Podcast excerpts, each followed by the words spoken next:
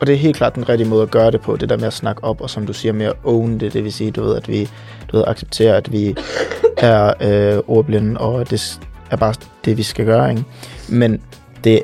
er virkelig også svært, fordi der vil altid være de der personer, der er bare rigtig gode til det hele, og rigtig gode til at skrive og alle de der ting, som der egentlig bare tænker, åh, hvorfor skal du spille min tid på, at vi skal sidde og vente på, at læreren staver det for dig og sådan noget der. Så det er altid svært at gå over den der barriere og rent faktisk gøre det. Så det kræver noget tid at ikke blive tryg i din klasse, så det kommer også an på, hvad for en klasse du er i, om du kan gøre det. Hvilket betyder, at ja, man burde tage den der tete og sige, kan du sætte farten ned, kan du lige stave det her for mig, men nogle gange kan det være så svært på grund af, at der er den her pres på dig, at du er anderledes. Selvom der er mange andre, man egentlig godt ved, at der kunne have gavn af det. Tanken er, at der er de der to personer, som der kommer til at have det, er nok til, at man ikke kan gøre det. Hvilket er derfor, at jeg mener også, at det er meget vigtigt, at læreren også tager til den der nogle gange, og nogle gange stopper sig selv,